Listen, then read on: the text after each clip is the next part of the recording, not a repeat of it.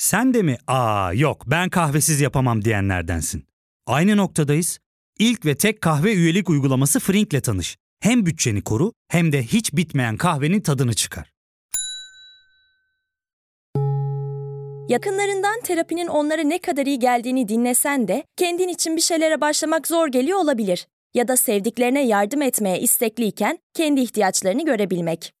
Hayvel, uzman psikologlarıyla kendi ihtiyaçlarını bulmanda sana destek olacak. Terapi yolculuğuna başlamak için detaylı bilgi bölümün açıklamalarında. Herkese merhaba. Bu kaydı 30 Aralık'ta alıyoruz ve 31 Aralık'ta yayınlıyoruz. Yılın son tren topiğiyle karşınızdayız efendim.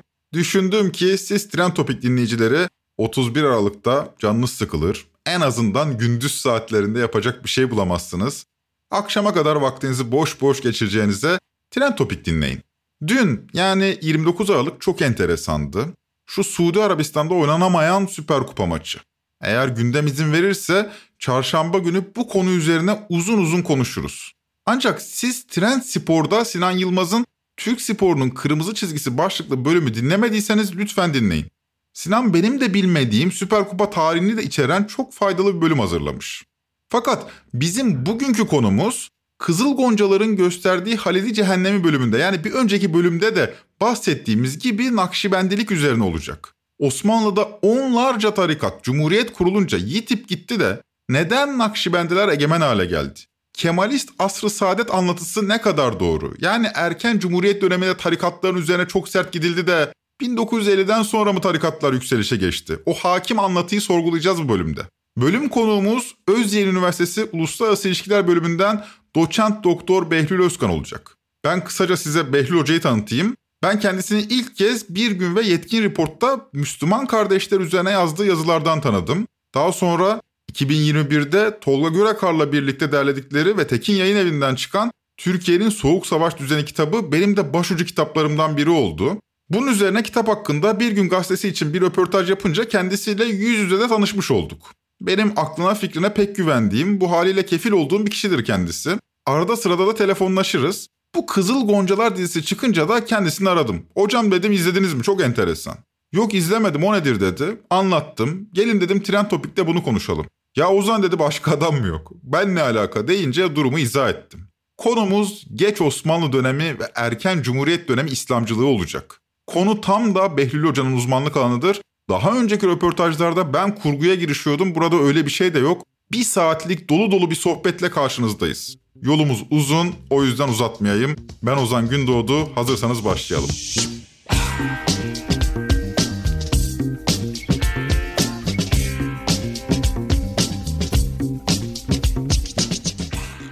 Beyl Hocam merhaba. Merhaba.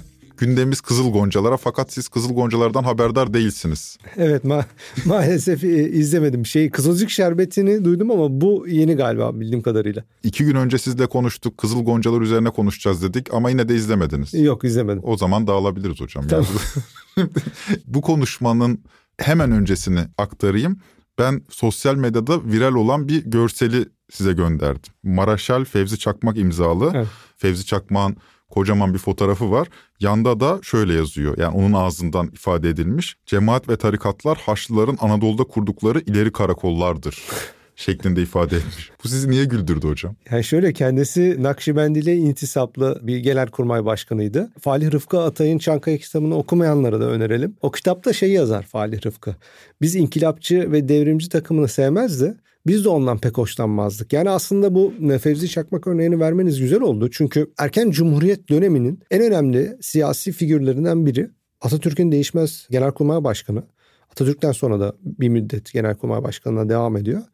Ve rejimin hani Cumhurbaşkanı Atatürk, Başbakan İnönü, Genelkurmay Başkanı Fevzi Çakmak ve rejimin nereden baksanız üçüncü en önemli karar verici unsuru. Çok da etkili biri ve son derece dindar, muhafazakar ve Nakşibendi'yle intisaplı olduğu biliyoruz. Şuradan biliyoruz. 1950 yılında vefat ettiğinde Fevzi Çakmak'ı sevenler, Fevzi Çakmak'ın bağlıları veya onu kabul edenler lider olarak askeri cenaze töreninin yapılmasını engelliyorlar İstanbul'da. Nisan 1950 cenaze töreni. Bence Cumhuriyet tarihinin göz ardı edilen en önemli siyasi olaylarından biridir. Demokrat Parti bir ay sonra kadar değil mi Evet. iktidar olacak? Evet, Demokrat Parti iktidar olmadan, seçimleri kazanmadan bir ay önce Nisan 1950 yılında çok büyük olaylar çıkıyor cenaze töreni sırasında. İstanbul Valiliği olayları engelleyemiyor ve tabutunu askeri arabadan, top arabasından alıp omuzlar üstünde bütün bir İstanbul boyunca taşıyorlar ve Eyüp mezarlığında bağlı bulunduğu, intisap etmiş olduğu şeyhinin ayaklarının dibine gömülüyor. Bunu Bu- yapanlar da aslında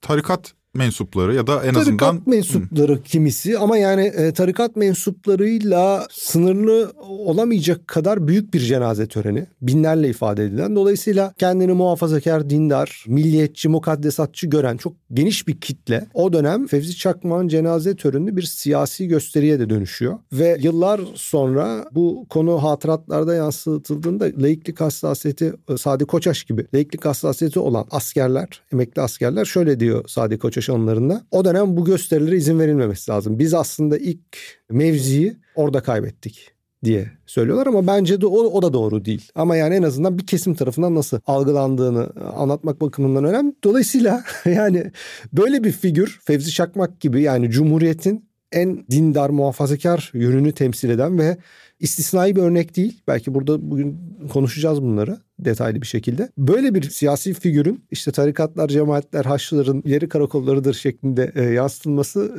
ya, güldü komik, e, trajik bence. Ama bunun bir sebebi var gibi. Yani sizde de daha önce konuştuk ya.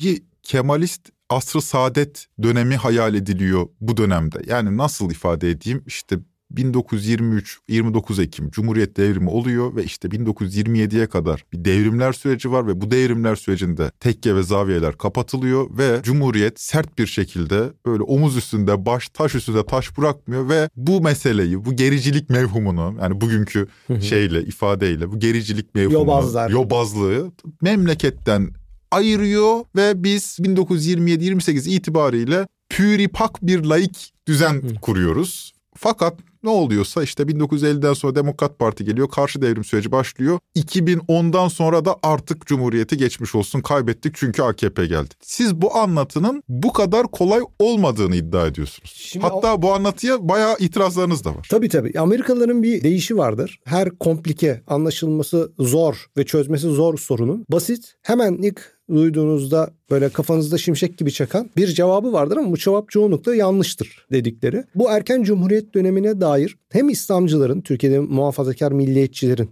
benimsediği erken cumhuriyet döneminde 20'lerde 30'larda camiler ahır yapıldı, Kur'an kursları kapatıldı ve din bu toplumdan silinmeye çalışıldı anlatısı karşı taraftan sağ kesimden kendini Kemalist Atatürkçü solcu olarak görenler tarafından da ah ne güzel 20'lerde 30'larda işte asr saadet laiklik ve devrimler açısından böyle bir dönem vardı gibi bu birbirini besleyen bir anlatı. Yani bunu hem İslamcılar muhafazakarlar ve görece muhafazakar milliyetçiler bunu böyle görüyorlar. Karşı taraf da böyle görüyor. Şimdi iki tarafın da uzlaştığı bir anlatı olduğu için bu. İşte 1950'de Demokrat Parti iktidara geldi.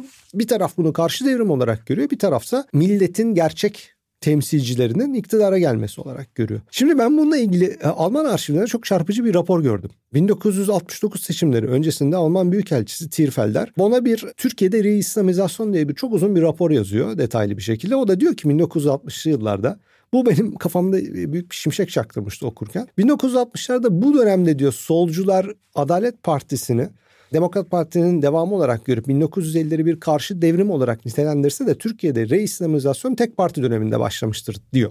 CHP döneminde. Evet evet CHP döneminde çünkü haklı da çünkü 1946 45-46 sonrası Türkiye'nin Soğuk Savaş'ta Batı İttifakı'nda yerini seçmesiyle beraber CHP çok önemli atımlar atıyor. 1947 kurultayı vardır CHP'nin ve orada buna karar verilmiştir. Hatta o kurultayda artık İslami dini değerlere daha yakın durulması ve hemen ondan sonra ilahiyat fakültesi açılır Türkiye'de. İşte türbeler açılır, hacca gidişler serbest bırakılır, döviz sağlanmaya başlanır ve 1946-47 sonrasına bakarsanız korkunç bir İslami dergi patlaması vardır Türkiye'de. Yani sol bir taraftan CHP İsmet İnönü'nün Cumhurbaşkanlığı döneminde ezilirken İslami dergiler pıtrak gibi açılır ve o dönemin İslamcılarının hatıratlarında da zaten 1947'de biz büyük bir özgürlüğe kavuştuk diye yazılır zaten. Ve dolayısıyla 1947 kurultayında mesela 46-47 döneminde Başbakan Recep Peker ve diyor ki Recep Peker daha Kemalist laik çekirdek böyle çetin ceviz bir siyasetçi. O buna karşı çıkar.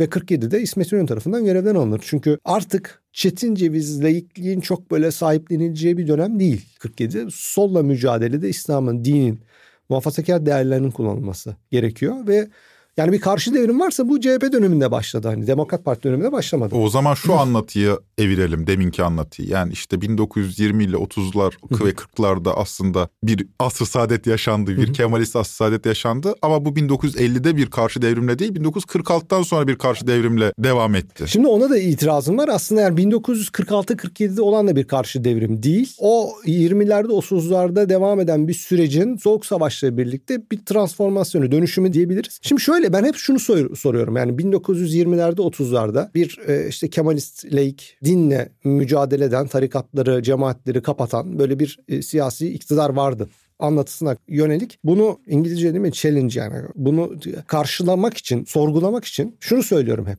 bunu bana söyleyenlere. Ya muhafazakar, e, dindar, İslamcı öğrencilerim de oluyor. Solcu öğrencilerim, Kemalist öğrencilerime de aynı şeyi söylüyorum. Şimdi 23'te Cumhuriyeti ilan ettiniz. Devrimler yapacaksınız. Ve bunun hani tam o asr saadet dönemindeki anlatısına uygun olarak katılayık bir rejim kurmak istiyorsunuz. Dolayısıyla kadrolara ihtiyacınız var. Atatürk'ün de böyle olduğunu varsayalım. Kafasında böyle bir tahayyül var ve buna uygun bir devlet inşa etmek istiyor. İstanbul'a layık bir vali buldunuz kafanıza göre ona atadınız. Bir emniyet müdürü de buldunuz. Hadi Ankara'da atadınız, İzmir'e de atadınız. Ya Erzurum, Adana, Trabzon, milliyetim müdürleri atamanız lazım. Bu kadroları nereden bulacaksınız? Kim bu insanlar? Yani Kemalist dediğimiz o dönemde tepedeki 30-40 kişiyi geçtiğimiz zaman böyle laik, çetin ceviz, dinle, cemaatlerle mücadele etmeye inanan kadrolar var mı? Yok. Ya bu çok basit bir örnek vereyim. Necmettin Erbakan'ın babası Kemalist dönemde Trabzon Ağır Ceza Reisi. Trabzon'daki en önemli kişilerden biri.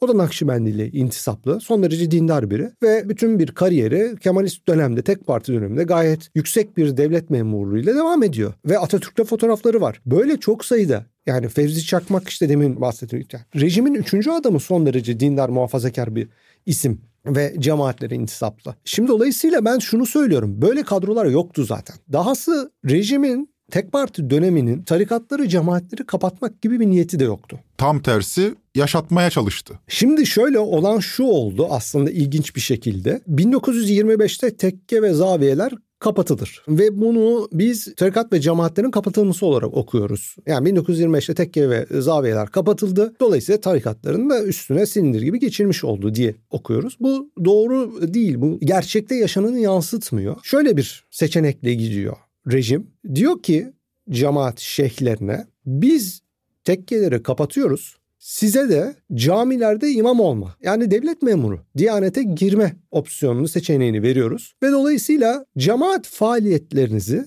camilerde devam edeceksiniz. Buna göz yumayacağız ve kendi cemaatinizi bu camiler üzerinden devam ettireceksiniz. Bu e, zikir mikir işlerine de kapalı kapılar ardında yaptığınız sürece sorun yok. Bizim için buna müsamaha göstereceğiz. Fakat kitlesel eylemlere size bağlı bulunan dervişlerinizi, müritlerinizi kitlesel eylemlere, siyasi gösterilerde kullanmamanız gerekiyor. Dinin bireysel ve cemaat anlamında yaşanmasına sorun yok. Fakat bunun siyasi bir güç gösterisine, çevrilmesine, dönüştürülmesine müsamaha etmiyorlar. Dolayısıyla Türkiye'deki Nakşibendi cemaatlerinin hemen tamamının isimlerinin bağlı bulundukları camilerle anılmasının sebebi biraz buradan kaynaklanır. Yani İsmail Ağa, İskender Paşa cemaati gibi cemaatlerin isimleri başlarında bulunan şeyhlerin o camilere imam olarak atamasından dolayı biz bugün böyle biliyoruz bunu. Cumhuriyet aslında bizzat kendisi bu cemaatlerin ismini koymuştur diyebiliriz. Çünkü o zaman bu haliyle İsmail Ağa Camii'ne atanan Nakşi Şeyhi'nin öğrencisi Mahmut Usta Osmanoğlu'nun devamı bugün İsmail Ağa Cemaati olarak karşımıza çıkıyor. Ya da işte Erenköy Camii'nde aynı şey ya da İskenderpaşa Camii'nde. Şimdi orada şöyle bir kafa karışıklığı oluyor e, tarikat ve cemaatlerin konusunda. Daha da önemli bir şey var erken cumhuriyet döneminde olan. Nakşibendi cemaatler aslında bir anlamda tek parti döneminin parlayan yıldızı haline geliyorlar. Filmi geri saracağım ben. Çünkü Nakşibendilik ya bugün aslında tarikatlar ve cemaatlerden bahsettiğimiz zaman Türkiye'de aslında biz Nakşibendilikten bahsediyoruz. Nakşibendilik tarikatı ve Nakşibendiliğin altındaki cemaatler, çeşitli kollar. Benzi cemaati, İsmail Ağa, İskender Paşa, Süleymancılık, Süleyman Hilmi Turan'a bağlılar olanlar, Nurculuk bile Nakşibendilik içinde. Birazcık daha dışarıda duruyor ama yine Nakşibendilik içinden sayabileceğimiz cemaatlerden bir tanesi. Dolayısıyla bir, e, Türkiye'de tarikat ve cemaatlerden bahsettiğimiz zaman bugün aslında sadece Nakşibendilikten bahsediyoruz. Ancak 100 yıl önce böyle değildi. Heh, onu soracaktım. Yani işte Raf, Rıfaileri duyuyoruz, Kaderiler, Mevleviler. Kaderiler. Bunlar nereye gitti? Şimdi şöyle bunun bu filmi biraz daha bir 100 yıl daha geriye alırsak eğer 1820'li yıllara, 10'lu 20'li yıllara. Şimdi Yeniçerilik'te Bektaşilik ana tarikattı ve 1826'da Yeniçerilik kapatıldığı zaman Osmanlı Devleti hemen hemen bütün Bektaş teknelerini çoğunluğunu Nakşibendi şeyhlere devrediyor. Bir anlamda aslında Bektaşiliği e, tehdit olarak gördüğü için kendine bunu başka bir tarikata veriyor. Ancak Osmanlı Devleti içinde sadece Nakşibendilik ve Bektaşilik. Kaderilik var, Mevlevilik var, farklı tarikatlar var ve bu tarikatlar içinde Nakşibendilik kitlesini genişletmeye başlıyor. Hatta bunlar 1859 Kuleli isyanı vardır. Burada padişahı devirmeye, darbe teşebbüsüne de gidiyorlar ve 1859'daki bu darbe Kuleli isyanındaki darbe teşebbüsünde Nakşibendi şeyhleri çok önemli bir rol oynuyor. Ve dolayısıyla Osmanlı İmparatorluğu'nda da aslında 19. yüzyılda bir taraftan tarikatların özellikle Nakşibendiliğin kitlesel gücünü devletin çıkarları içinde kullanma var kullanmaya çalışma var. Ama bu, bunu yaparken de şeyhler, Nakşibendi şeyhleri çok güçlendiği zaman bunları çeşitli şekillerde güçlerini azaltmaya çalışıyor. Mesela Osmanlı'nın yaptığı, kullandığı çözümlerin yollarından biri bunları İstanbul'dan sürgüne göndermek. Yani bir tarikatın çok büyümesine engel olacak bir mekanizma devreye giriyor. Evet bu sürgünler mallarına el konulması fakat bu kesmiyor. 1860'lı yıllarda Osmanlı İmparatorluğu'nda Meşayi Meclis, Şeyhler Meclisi kuruluyor. Yani bu tarikatları kontrol edebilmek için başında da Şeyhülislam var ve bu Meşayi Meclis üzerinden yani Şeyhler Meclisi üzerinden bunların ne kadar müriti var, cemaatleri nerede, nasıl bir kitleyi kontrol ediyorlar bunların kaydını tutmaya çalışıyor Osmanlı Devleti. Çok da akıllıca bir şekilde. Şimdi erken Cumhuriyet dönemine kadar bu meşayi meclis yani tarikatların devlet tarafından kontrol edilme. Çünkü yasal bir statüye sahip tarikatlar. Ve dolayısıyla kim bunların müridi kim de hatta bunlara bir kimlik kartı da çıkartılıyor. Yani şunu söylüyor Osmanlı Devleti sen Kadiri sen Kadiri gibi giyineceksin ben senin kim olduğunu bileceğim. Nakşibendiysen Nakşibendi gibi giyineceksin ve bir kartın olacak ve sorduğumda senin ne olduğunu, hangi şeyhe bağlı olduğunu bileceğim ben. Modern bir devletin aslında kitleye dair, topluma dair uygulaması gereken en basit kurallardan bir tanesi. Fakat 1925 yılında şöyle bir gelişme oldu tekke ve zaviyelerin kapatılmasıyla birlikte. Cumhuriyet döneminde dedi ki ben tekkeleri kaldırıyorum. Şimdi tarikatlar dolayısıyla Osmanlı Devleti'nde üzerlerinde olan kontrol mekanizmasından da kurtuldular. O meşayih meclis çıktığı için işin içinden. Bu dediğiniz çok önemli. Aslında kaldırılan şey tarikat ve cemaatler değil, tarikat ve cemaatlerin üzerindeki kontrol mekanizması oluyor. Evet, tam olarak böyle oldu. Yani erken cumhuriyet döneminde tarikat ve cemaatlerin aslında şu Nakşibendilik üzerindeki kontrol kalktı. Çünkü 1820'den 1920'lere gelene kadar aslında Nakşibendilik Osmanlı Devleti içinde en başat tarikat haline gelmişti. Dolayısıyla devlet içinde erken Cumhuriyet döneminde Genelkurmay Başkanı da Nakşibendiydi Türkiye'de. Ve dolayısıyla 1920 yılında tekkeler kaldırılınca devlet içinde de Nakşibendilik güçlü olduğu için devlet içindeki bu kadrolar diğer tarikatları yok ettiler. Mesela Bektaşiliği ortadan kaldırdılar. Bektaşilik, Bektaşi babaları Arnavutluğa sürüldü gittiler. Türkiye'de o işlerini göremedikleri için. Dolayısıyla erken cumhuriyet döneminde olan iki şey var. Bir, tekkelerin ortadan kaldırılması adına tarikatlar üzerindeki bütün denetimin ortadan kaldırılması. Dolayısıyla tarikatlar masa altında faaliyet gösteren ama hiçbir kanuni müktesabata tabi olmayan, hiçbir denetime tabi olmayan tamamen amorf bir yapı haline geldiler. İkincisi ise Nakşibendilik dışındaki bütün tarikatlar siyasi, ekonomik ve toplumsal kitlesel güçlerini kaybettiler. Türkiye'de. Dolayısıyla 1930'larda mesela 1930'ların gazete haberlerine baktığınız zaman özellikle Ege bölgesinde sürekli Bektaşilerin ayinlerinin basıldığını görürsünüz. Çünkü devlet içinde, güvenlik polis içinde, güvenlik mekanizmaları içinde Nakşibendler o kadar ağırlıklı ki diğer tarikatları devlet güçlerini arkasına alarak yok etmeye çalışıyorlar. Hocam bu bilinmiyor mu? Yani ya da bu biliniyor da tehdit algısı yok mu burada? Yani bahsettiğiniz şekilde aslında 20'lerde 30'larda Nakşibendilik daha önce olmadığı bir hızda büyümeye başlıyor. Çünkü üzerindeki kontrol mekanizması kalkınca. Buna rejim engel olmaya çalışmıyor mu? Valla hani engel olmaya çalışmıyor mu? Olamıyor. Çünkü güçlü bir kadrosu, bürokrasisi yok. Yani şöyle söyleyeyim. Necip Fazıl Kısaküre'nin intisap ettiği Şeyh Abdülhakim Arvasi'dir. Van Başkaleli'dir. Dolayısıyla o bölgede nüfusu olan bir cemaati vardı ve İstanbul'a yerleşti. Çünkü 1915'teki olaylar sırasında Van Rus ordusu ve Ermeni çeteler tarafından basılınca önce Kuzey Irak ve ardından Adana üzerine İstanbul'a göç eder bu aile ve çok sayıda aileden hayatını kaybeden olur bu e, savaş koşullarında. Ve Abdülhakim Arvasi İstanbul'da Fatih'te bir camide faaliyetlerine devam eder ve 1940'lı yıllara kadar da devam eder. Şimdi şöyle söyleyeyim. Damadı İbrahim Arvasi CHP'den tek parti döneminin değişmez milletvekili 1920'den 50'ye kadar bu ailenin Van Hakkari bölgesinde. Bugünkü algımızla anlaması çok zor bir şeyden bahsediyorsun. Evet ama şöyle aslında anlaması da çok da kolay. Devlet aslında tek parti dönemi Van ve Hakkari üzerinde nüfus kurabilmek için, o bölgeyi yönetebilmek için o bölge üzerinde etkili bir cemaat liderinin damadını milletvekili yapıyor ve onun gücünden yararlanarak o bölge Kürtler üzerinde bir nebze hakimiyet kuruyor. Dahası mesela Van açın bugün Van müftülüğünün sayfasına. Eski Van müftülerine bakın. 1923'ten 70'lerin sonuna kadar müftülerin çoğunluğunun Arvasi ailesinden olduğunu göreceksiniz. Yani tek parti rejimiyle de de aynı şey var. Ya oraya müftü atanacaksa orada kabul gören, tanınan, bilinen, halk nezdinde itibarı olan kişiler arıyorlar. Bu Osmanlı geleneğidir diyebilir miyiz? Kudüs müftüsünü hatırlıyorum mesela Emin El Hüseyin'i. El Hüseyin'i ailesi böyle 300 yıl falan Kudüs'e müftülük yapıyor. E tabi bu Osmanlı geleneği ama Osmanlı'da Cumhuriyet'ten farklı olarak bunları denetim altına almaya çalışıyor. Yani Abdülhakim Arvasi'nden örnek vereyim. Mesela bugün Türkiye Gazetesi'nin İhlas grubu Hüseyin Hilmi Işık Abdülhakim Arvasi'ye intisaplıdır.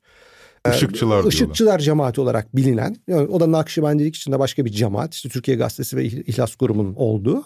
Ya Hüseyin Hilmi Işık'ın kariyerine bakın. Hüseyin Hilmi Işık 1930'larda Abdülhakim Arfasi'ye intisap ediyor. Hüseyin Hilmi Işık 30'larda ne? Subay. Ordu'da subay. Albaylığa kadar yükseliyor 1950'li yıllarda ve oradan emekli oluyor. 1930'lu yıllarda Fatih'teki dergahına girdiği zaman şeyhin üzerinde resmi askeri üniforma var ve kapıda polisler var. Onun kim olduğunu biliyorlar. Askeri subay olduğunu biliyorlar. Ancak kariyerinde hiçbir sorun yaşamıyor. Dahası daha çarpıcı olan bir şey söyleyeceğim. Hüseyin Hilmi Işık askeriyede tayin geldiği zaman, tayinsiz zamanı geldiği zaman şeyhine diyor ki ya ben de diyor Bursa'da kalmak istiyorum tayinimi. O zaman diyor ben şeyhi Abdülhakim Arvasi. O zaman diyor Kara Kuvvetleri Personel Daire Başkanı bir general arar. O da bize bağlı. Ben sana bir mektup yazacağım. Onu bunu ona götür istediği yere tayinini yapacak senin. Hangi diyor. yıllardan bahsediyoruz? 30'lu yıllardan 30. bahsediyorum. Yani Kara Kuvvetleri Personel Daire Başkanı Arvasi'ye bağlı. Ve Hüseyin Hilmi Işık o mektubu götürüyor. Generale verdiğinde general bu mektup çok ulu aziz bir yerden geliyor diyor. Sarılıyor ve istediği gibi tayinlerini yapıyor. Şimdi dolayısıyla hani Fevzi Çakmak'la sınırlı olan bir durumdan bahsetmiyoruz. Bir şey soracağım hocam. Tabii.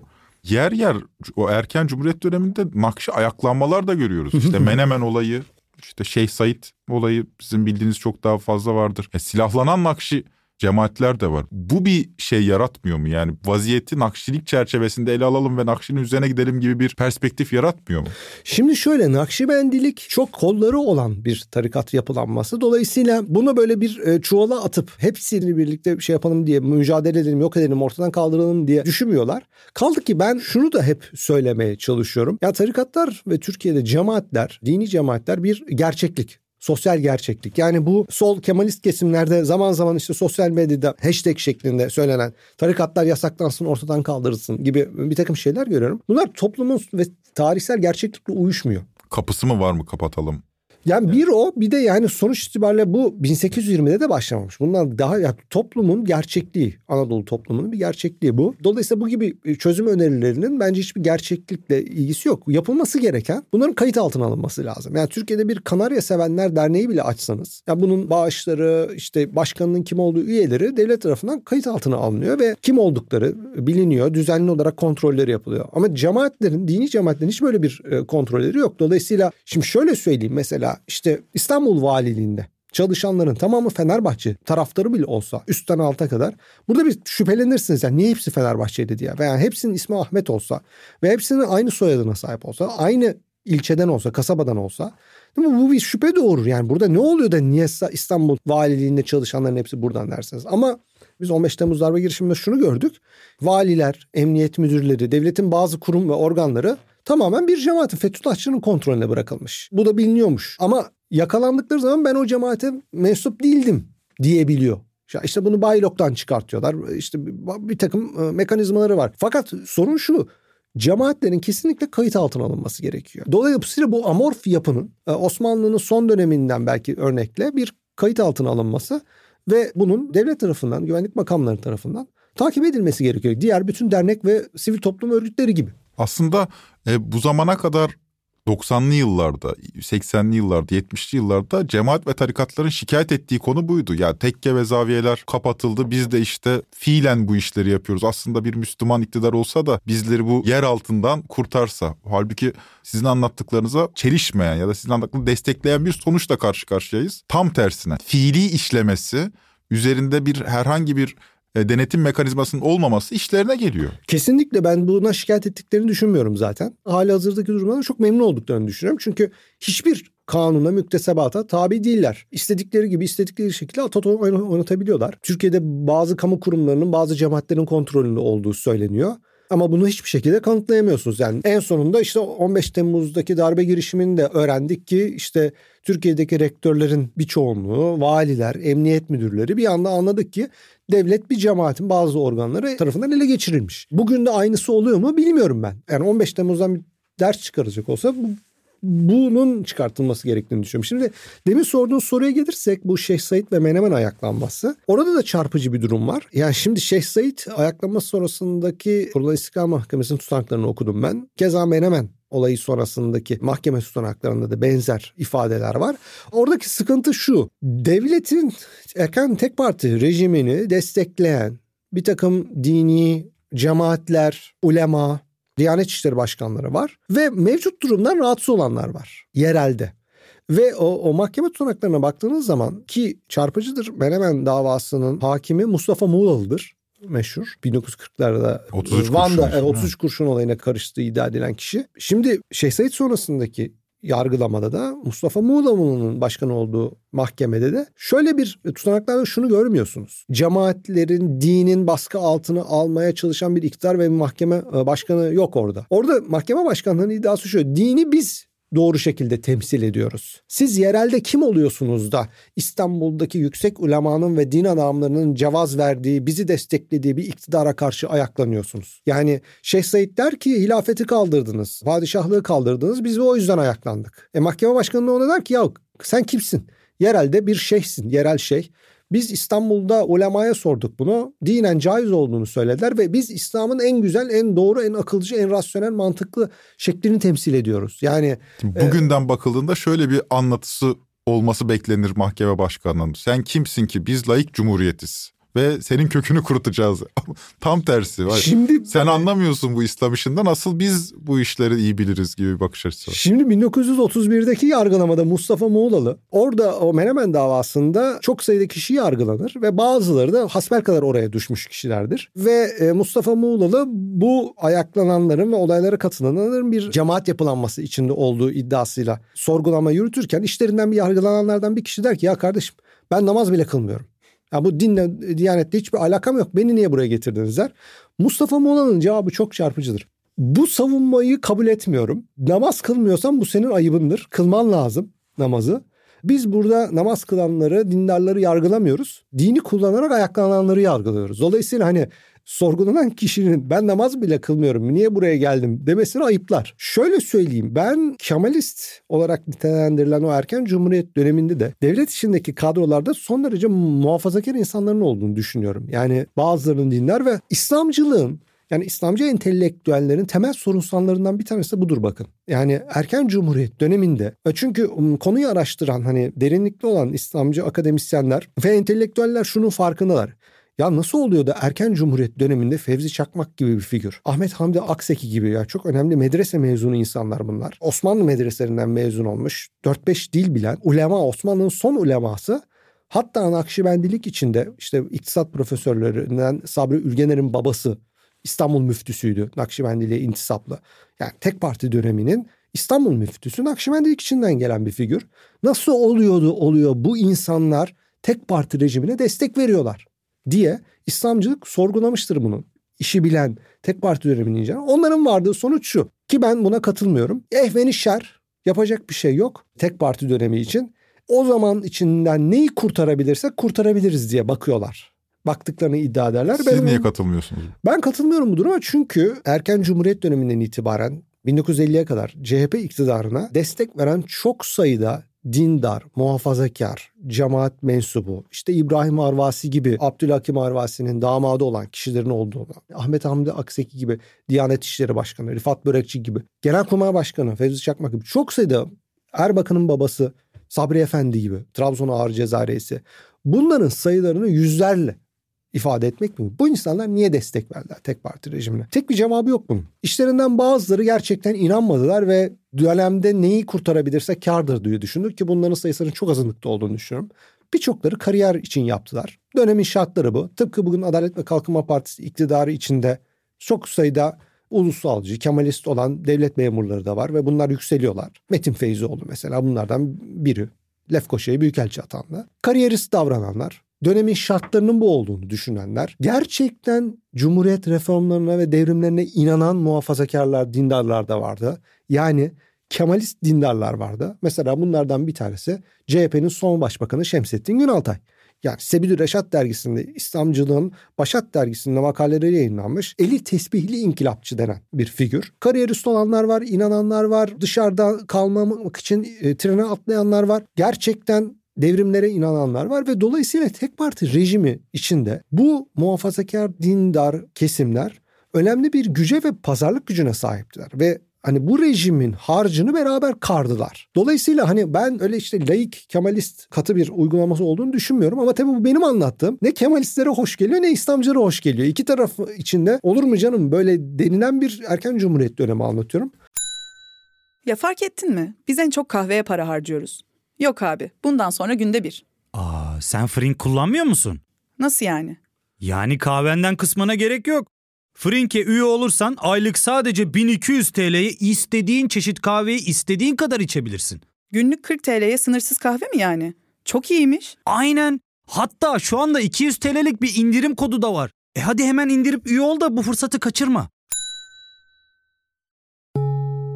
Terapiye başlamak, içinden çıkamadığın döngüleri kırmak, bazı yanlış bulduğun kararlarını değiştirmek ve kendinle beraber daha huzurlu bir yaşam inşa etmek için atabileceğin en değerli adımlardan biri. Hayvel ile yoğun yaşam tempona uyum sağlayarak online terapi seanslarını takvimine göre ayarlayabilirsin. Bini aşkın uzmandan sana en uygun terapisti seçebilir, PodB10 koduyla indirimden yararlanabilirsin. Detaylı bilgi açıklamalardaki bağlantıda.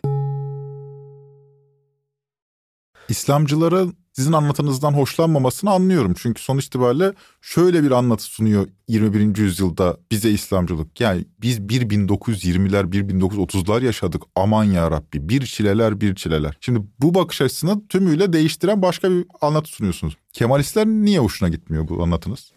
E çünkü onlarda şöyle bir şey var. Böyle bir asr saadet dönemi yaşandı. O güzel geçmiş günlere tekrar dönebilmenin hayalini canlı tutmak ve o güzel günlere dönebilmek gibi bir hayalleri var. Bu haliyle o zaman Türkiye'de Gazi Mustafa Kemal Atatürk de Kemalistler tarafından tam doğru anlaşılamıyor o zaman. Çünkü tarihi gerçeklik algıladıklarına uygun değil. Buna katılıyorum mesela Atatürk'ü çok solcu bir siyasi lider olarak tahayyül ediyor. Türkiye solu. E ben buna katılmıyorum. Yani Atatürk'ün ekonomi politikaları dönem dönem liberalizme e, savunan politikaları var. 1929 ekonomik buhranın sonrasında devletçiliğe geçiyor ama belki ömrü vefa etseydi 1945'ten sonra yaşasaydı nasıl bir Atatürk görürdük bilmiyorum. Atatürk'ün bu konuda son derece bilinçli hareket ettiğini düşünüyorum. Yani geleceğe dair bir ideoloji bırakmak derdinde değil. Hatta kendisine bir ideolojik bir kitap gelecek kuşaklara bir ideoloji bırakalım dediklerinde bunu ısrarla reddediyor. Çünkü özelinde kendisi terakkiperver, ilerlemeciliğe inanan, popüler olan bir deyim iddiatçılık. Türkiye'de iddiatçılık kökenleri, iddiatçı olmak. Ama ben Atatürk'ün mesela iddiat ve terakkinin terakki tarafına çok daha yakın, daha azınlıkta kalmış. Terakki ama ilerlemeci. İlerlemeci, progresif denen çok daha e, aslında azınlıkta olan ama bence çok daha makbul ve daha kökleri sağlam olan bir damardan geldiğini düşünüyorum. E, ama ısrarla onu iddiatçı olarak o daha hoş geliyor kulağa. İki taraf içinde belki. Ama bilinçli şekilde bir ideolojik kitap, bir ideoloji bırakmayı ısrarla reddetmiş biri. Çünkü özünde Atatürkçülük, Kemalizm bence rasyonel, akılcı ve pozitivist bir bakış açısı ve bu yönüyle de çok da değerli olduğunu düşünüyorum. Peki hocam 20'li 30'lu yıllarda bu bahsettiğiniz kontrol mekanizmasının ortadan kalkmasıyla aslında memleketin nizamına yayılan bir Nakşibendilik hakikatinden bahsediyoruz. Fakat bugünkü hali çok daha farklı olsa gerek değil mi? Yani bugünkünden daha farklı bir 20'li 30'lu yıllar yaşadık. bu kadar güçlenme, bu kadar toplum üzerinde de bir hakimiyet kurma işi için böyle bir milat verseniz bu milat ne hangi tarih olur? Hangi tarihten sonra bu iş sert şekilde kırıldı? 1965 bence Türkiye Cumhuriyeti'nin önemli kırılma yıllarından bir tanesi. Çünkü 1965, 66, 67 dönemine kadar Diyanet İşleri Başkanlarına baktığımız zaman hepsi Osmanlı'nın son dönem medreselerinden yetişmiş Diyanet İşleri Başkanları. Ve 60'lı yıllara geldiğimiz zaman artık bu kuşak vefat ediyor, kalkıyor ve yeni bir kuşak geliyor. Cumhuriyet döneminde yetişmiş. Yani bu cemaatler ve tarikatlarla yaşanan çatışma sadece Cumhuriyet dönemine has değil. 19. yüzyıldakini ben anlattım kısaca olsa. Bunun evveliyatı da var. Kadızadeliler ayaklamaları var. Böyle çok e, Osmanlı'da da bu medrese ve ya yani ulema yetişmiş devletin üniversitelerinde doktora diyebileceğimiz seviyede üst düzey İslam eğitimi almış ulema var bir tarafta. Öbür tarafta tekkelerden gelen şeyhler var. Tarikat ve cemaat şeyhleri. Dolayısıyla bu ulema ve şeyh arasındaki çatışma her zaman var Osmanlı'da. Çünkü biri kitleyi kontrol ediyor. Öbürü devletin İslam anlayışını kontrol ediyor. Şimdi 1960'ların ortalarına kadar Türkiye'deki Diyanet Osmanlı ulemasından yetişmiş, medreselerinde yetişmiş, yüksek İslam bilgisine sahip, 2-3 dil bilen, hani bugün son derece ciddi felsefe, teoloji tartışması yapacağımız çok yetkin insanlardan oluşuyor. 60'lardan itibaren bu kuşağı kaybediyoruz biz. Ölüyorlar. Evet ölüyorlar. Arkalarından gelmiyor. Bir dönüşüm daha var. 1960'lı yıllar Türkiye'de solun yükseldiği yıllar. Solla mücadele için özellikle MIT ve ordu kitlesel mücadele anlamında İslamcılığın kullanılmasına karar veriyor. İşte Fuat Doğu burada kilit isim. Fuat Doğu MİT Ee, müsteşarı. Milli Emniyet Hizmetleri 1965 yani MAH önce MAH. MAH, sonra MİT müsteşarı. Kurucu reisi. kur- kurucu müsteşar yok, yok, değil, değil. mi? Bir- Ee, Ama e, kısa bir süre bir- Kurucu Ögel 1926 yılında 62 64 66 71 arasında çok önemli bir figür ve İslamcılığın solla mücadelede panzehir olarak kullanılmasına karar vermiş önemli kişilerden biri. Bir tanesi de Cevdet Sunay. Genelkurmay Başkanı olarak ve sonra Cumhurbaşkanı. Şimdi burada İslamcılığı kitlesel olarak sola karşı kullanmak istiyorsunuz. Elinizde Diyanet var. Diyanete bakıyorsunuz.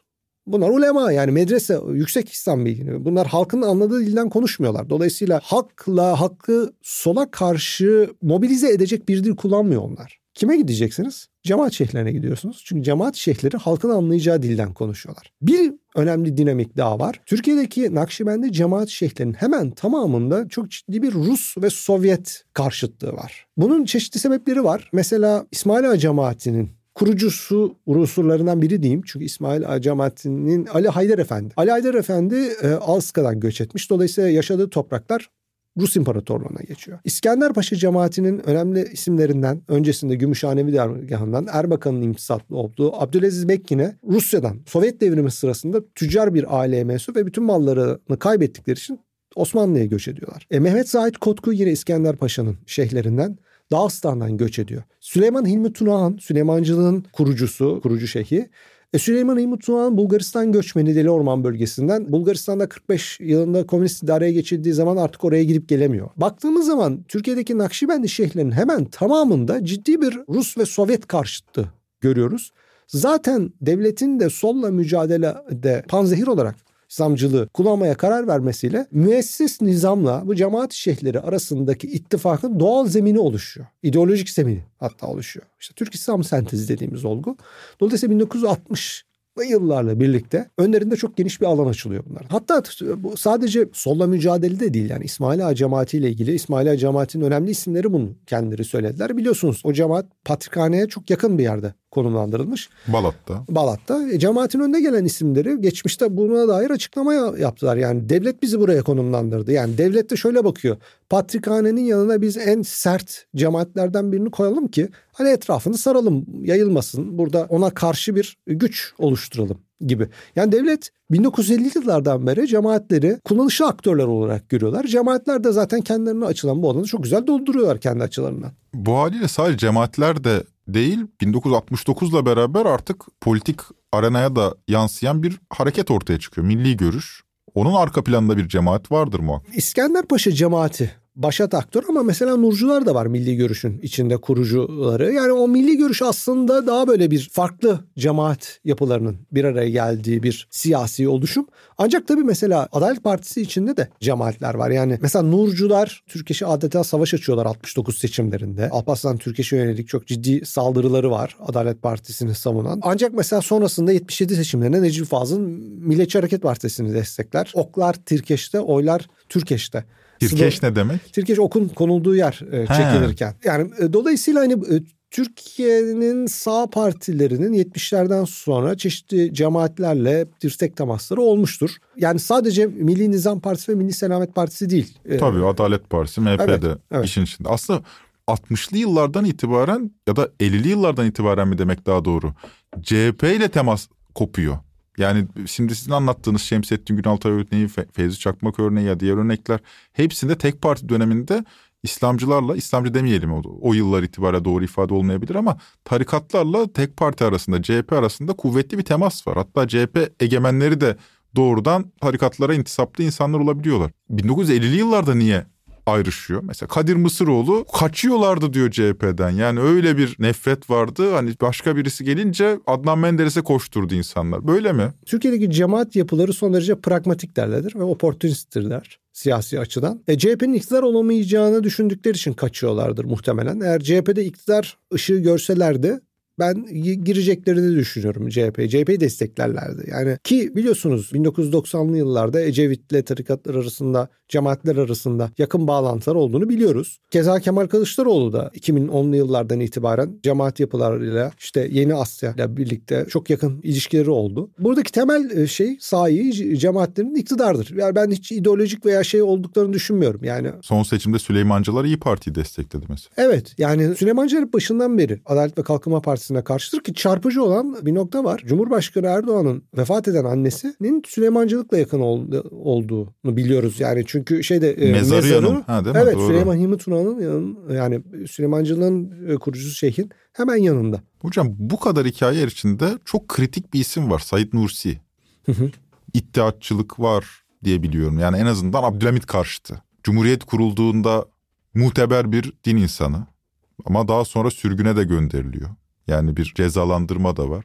Bugünden yapılan anlatı yine o. Yani Said Nursi gibi bir tırnak içinde vatana ihanet konseptine değerlendirmemiz gereken bir kişiye Cumhuriyet haddini bildirmişti. Şimdi de aynı tavrın gösterilmesi gerekir gibi bir anlatı var.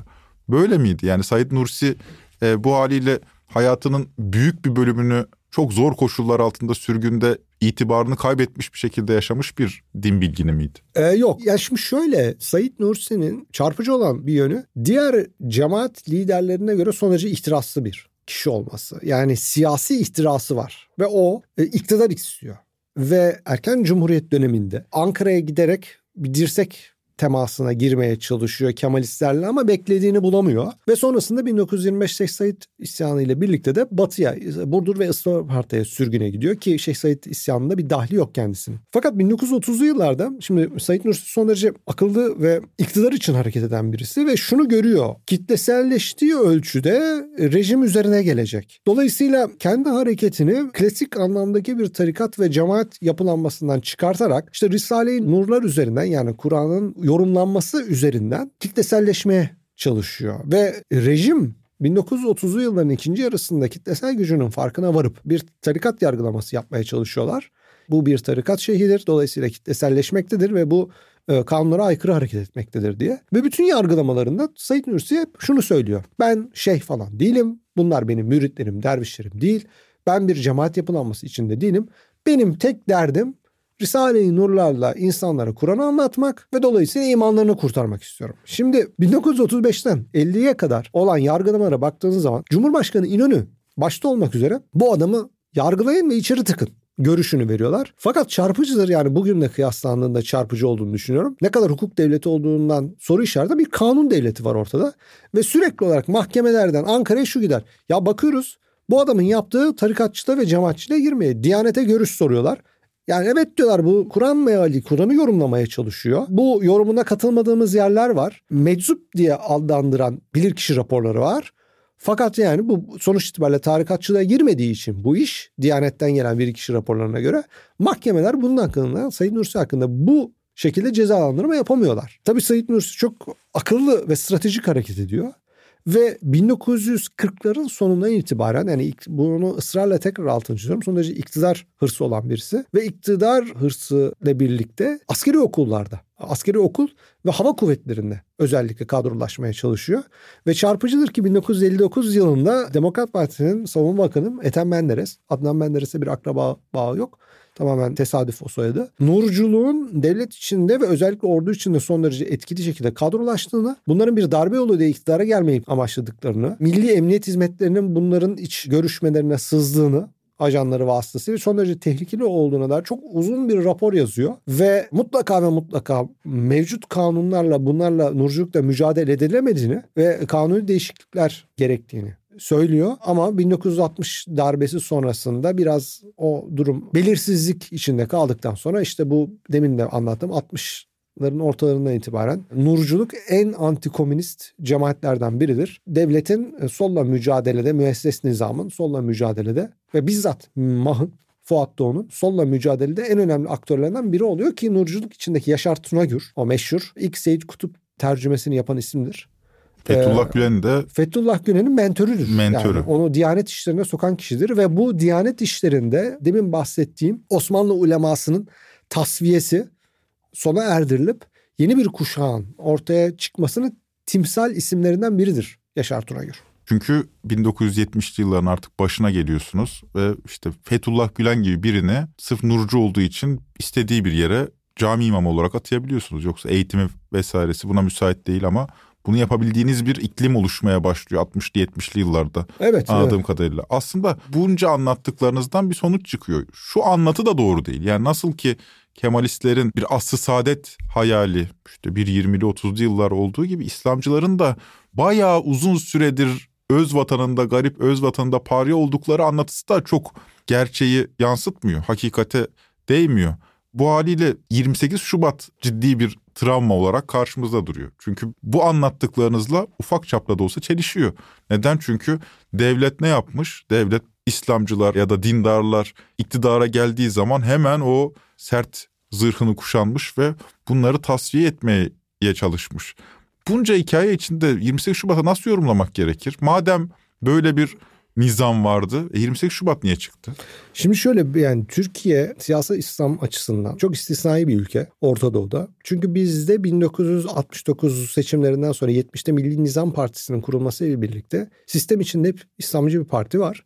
Ve dahası 1970'li yıllarda bu parti önce CHP sonra Adalet Partisi ve MHP ile birlikte koalisyonlarda yer alıyor. Başbakan Yardımcısı İçişleri Bakanı ve Adalet Bakanlıkları bu parti tarafından temsil ediliyor. Dolayısıyla 1970'li yılların ikinci yarısında İçişleri Bakanlığı gibi en kritik bakanlardan bir tanesi İslamcıların elinde ve sürekli onların elinde. 1970'li yılların ikinci yarısında demek ki Türkiye'nin müesses nizamı açısından İçişleri Bakanlığı'nın bir İslamcı figürün partinin elinde olması bir tehdit bir sorun değilmiş. 1983 seçimlerinde Milli Selamet Partisi'nden 77'de İzmir'den aday olmuş Özal'ın kaybettiği için seçimi milletvekili olamamış Özal'ın kurduğu ANAP 83 seçimlerine girebilirken Erdal İnönü'nün yani Lozan Anlaşması'nın imzacısı İsmet İnönü'nün oğlunun kurduğu parti askerler tarafından veto edildi. Dolayısıyla Soğuk Savaş sona erene kadar Türkiye'de İslamcılığın önü müesses nizam, ordu, istihbarat, emniyet tarafından açıldı. Bu konuda hiçbir soru işareti yok. Ama ne zaman ki 1990'lı yıllara girdik, öküz öldü, ortaklık bozuldu, Sovyetler Birliği dağıldı,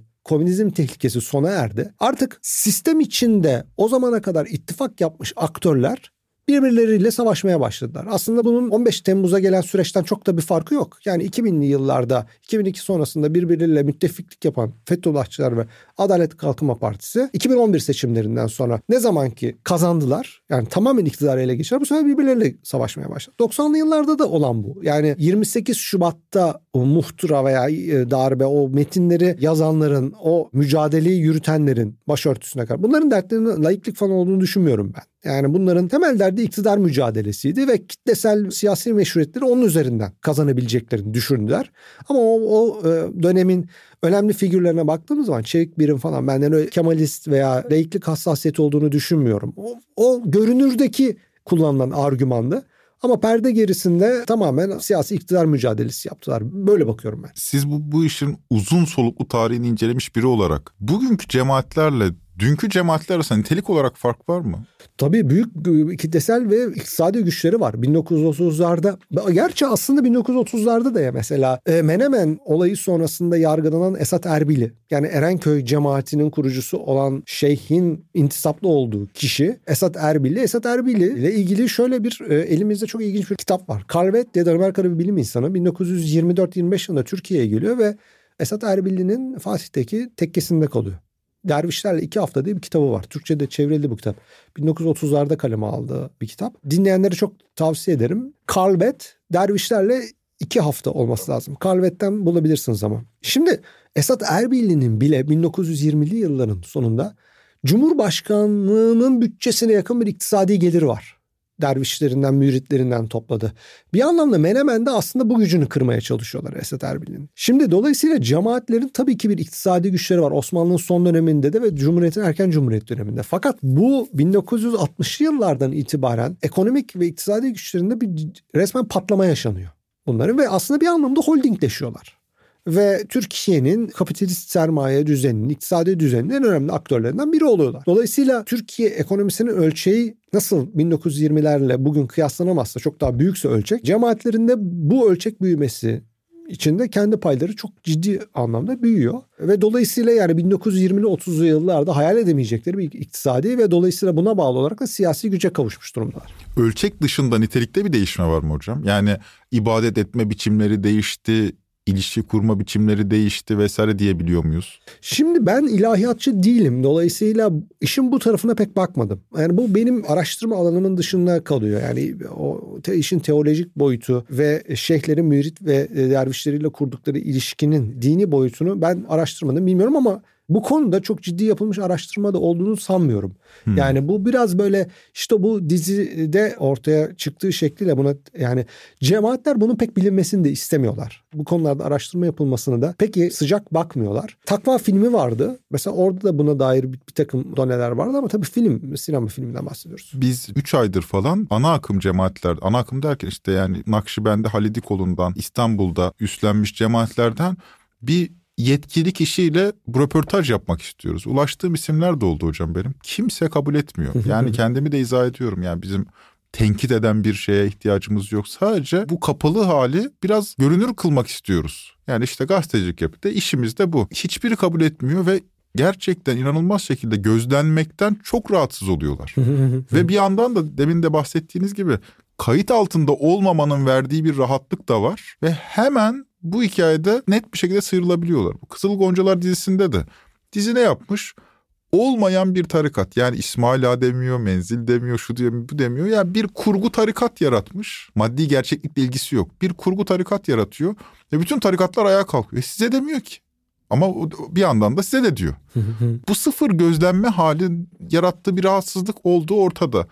Buna aşma niyetleri olur mu sizce ileriki zamanda? Yani Türkiye bu anlamda gelecek perspektifinden yaklaşalım. Yani bu soruna ilişkin nasıl bir çözümü olacak bu memleketin? Çünkü diyorsunuz ki 1950'li yıllarda Nurcular darbe yapmaya kalkışıyordu. Ya bu bizim kaderimiz mi? Yani 2070'li yıllarda da Nurcular darbe yapmaya kalkışacak o zaman bu memlekette bu şekilde böyle giderse. Ya şimdi bu yani sonuç çizmeleri mutlaka kayıt altına alınması lazım. Yani bunun bir kanuni ve hukuki müktesebata tabi olması gerektiğini düşünüyorum. Yani bu Osmanlı 19. yüzyılda Osmanlı İmparatorluğu bunun bir toplumsal gerçeklik olduğunu farkına vararak bunu bir kanuna tabi tutmaya çalışmış ve denetlemeye çalışmış. Cumhuriyet döneminde ki bu amorf, görünmez, bilinmez, kayıt altında olmayan yapının cemaatlerin çok işine geldiğini düşünüyorum. Ve hani bundan da e, olabildiğince bu durumu korumaya çalışacaklardır. Ve bu konuda yapılmış e, araştırma çok az elimizde. Akademik araştırma yok. Tez yok yani. Hani bırakın hani gazetecilik çalışmasını çok az. Yani yeni yeni ilahiyat fakültelerinde bununla yapılmış ilgili ben yakından takip ettiğim için biraz biliyorum. Hani çok şükür ilahiyat fakültelerinden iyi tezler gelmeye başladı bu cemaat yapılanmalarıyla ilgili ve onlar hani belki de kendilerine bağlı olan kişiler oldukları için e, ama yine de çok e, değerli bilgiler edindiğimiz tezler çıkıyor. Bilemeyeceğim yani hani e, ileriye doğru öngörmek çok zor. Behlül Özkan'la röportajımız umarım ilginizi çekmiştir. İlginizi çektiyse Twitter'dan yorumlarınızı bekliyorum. Ben bu tarihsel anlatıyı keşfettiğimde İslamcılık ve Atatürkçülük üzerine daha derinlikli düşünme fırsatı bulmuştum. Umarım sizin de zihninizi bu anlamda yorabilmişizdir. Trend Topi'yi Podbi Medya ile beraber hazırlıyoruz. Bir sonraki bölüme kadar ne yaparsınız bilmem ama yılbaşınız mutlulukla geçsin, yüzünüz gülsün ya da umarım mutlulukla geçmiştir. Neyse, hoşçakalın.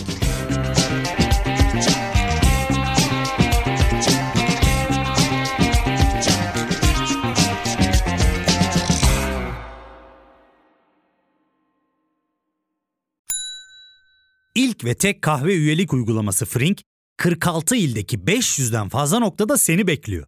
Açıklamadaki kodu girerek sana özel 200 TL'lik indirimden faydalanmayı unutma. Hadi sen de Frink üyeliğini başlat, kahven hiç bitmesin. Hem bugününe hem yarınına katacaklarıyla terapi yolculuğuna ve daha iyi hissetmeye bugün Hayvel ile başla. Açıklamadaki linkten Hayvel'i indir, ücretsiz tanışma görüşmelerinin ardından bütçene uygun seans paketini seç ve terapi yolculuğuna başla.